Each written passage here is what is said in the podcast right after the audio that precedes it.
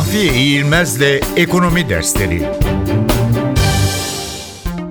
Minski Ağanı İktisatçı Himan Minsky, servetin gittikçe arttığı dönemlerde şirket nakit akışlarının yükseldiğini, buna karşılık borçların da arttığını ve sonunda borçların karlarla ödenemeyecek düzeylere yükseleceğini ve bu gidişin sonunda bir kriz yaratacağını öngörmüştü. Bu gidişin krize dönüşeceği ana Minsky anı adı veriliyor.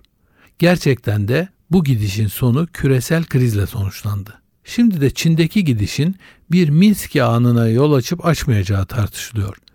Minsky'nin bu tespiti şu öngörülere dayanıyor. Uzun süren büyüme dönemlerinde şirketler ve kişiler gittikçe daha büyüyen riskler alırlar.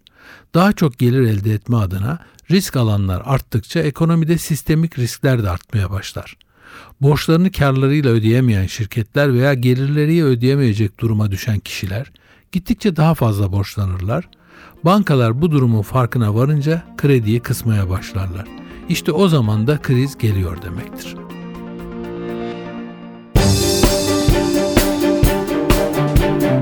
Mahfiye İğilmez'le Ekonomi Dersleri